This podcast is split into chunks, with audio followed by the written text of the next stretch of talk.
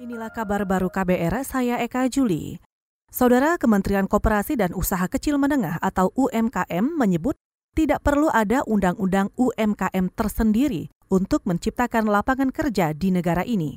Menurut Menteri Koperasi dan UMKM Teten Masduki, peleburan undang-undang UMKM dan koperasi bisa mengefisienkan dua kebijakan yang saling terintegrasi. Kalau kami sih merasa tidak perlu undang-undang keperluan UMKM hmm. dan koperasi itu tidak perlu tersendiri, jadi bisa diintegrasikan dengan omnibus law untuk penciptaan lapangan kerja. Jadi kami hanya perlu pengecualian dari beberapa regulasi yang memang playing field-nya nggak bisa sama untuk usaha besar dengan usaha kecil. Menteri Koperasi dan UMKM Teten Masduki menambahkan, Undang-undang Koperasi dan UMKM akan diintegrasikan dengan melihat beberapa catatan, seperti penyesuaian beberapa kebijakan untuk usaha kecil dan usaha besar dalam hal pembiayaan, perizinan, dan sertifikasi.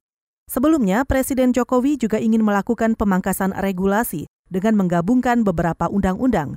Jokowi rencananya akan mengusulkan Undang-Undang Cipta Lapangan Kerja dan Undang-Undang Pemberdayaan UMKM.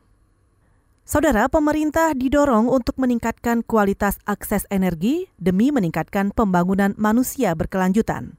Direktur Eksekutif Institut Pelayanan Esensial dan Reformasi atau IESR, Fabi Tumiwa menilai pemerintah selama ini terjebak dalam mendefinisikan elektrifikasi, yaitu hanya sebatas penerangan saja. Karena itu, fokus penyediaan akses listrik oleh pemerintah tidak mempertimbangkan manfaat listrik untuk kegiatan produktif.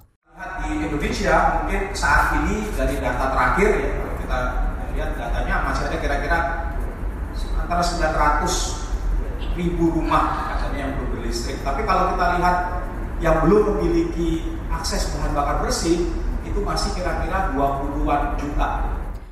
Direktur Eksekutif Institut Pelayanan Esensial dan Reformasi atau IESR, Fabi Tumiwa, juga menambahkan ada delapan desa di Nusa Tenggara Barat dan Nusa Tenggara Timur yang akses listriknya masih sangat rendah, sehingga dampaknya tidak bisa digunakan untuk kegiatan produktif.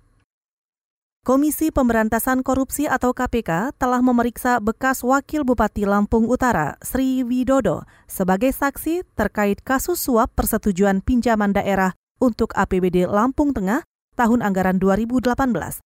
Laporan selengkapnya disampaikan reporter KBR Sadida Hafsyah dari Gedung Merah Putih KPK Jakarta. Saudara Komisi Pemberantasan Korupsi memanggil bekas Wakil Bupati Lampung Utara Sri Widodo dalam penyidikan kasus tindak pidana korupsi suap terkait persetujuan peminjaman daerah untuk APBD Kabupaten Lampung Tengah tahun anggaran 2018. Widodo selesai memberikan keterangannya sekitar pukul 12 siang ini sebagai saksi untuk tersangka bekas Bupati Lampung Tengah Mustafa. Widodo enggan merincikan keterangan yang diberi diberikannya kepada KPK ataupun kaitannya dengan kasus yang menjerat Mustafa ini saat wartawan menyinggungnya. Sebagai informasi dalam kasus ini KPK juga telah menetapkan empat tersangka lain, di antaranya Ketua DPRD Lampung Tengah Ahmad Junaidi. Keempat tersangka diduga menerima suap sebesar 1 miliar rupiah dari Mustafa terkait persetujuan pinjaman daerah pada PT Sarana Multi Infrastruktur sebesar 300 miliar rupiah untuk pembangunan infrastruktur jalan dan jembatan di Kabupaten Lampung Tengah. Selain itu, mereka juga diduga menerima suap terkait pengesahan APBD KPP Kabupaten Lampung Tengah tahun 2017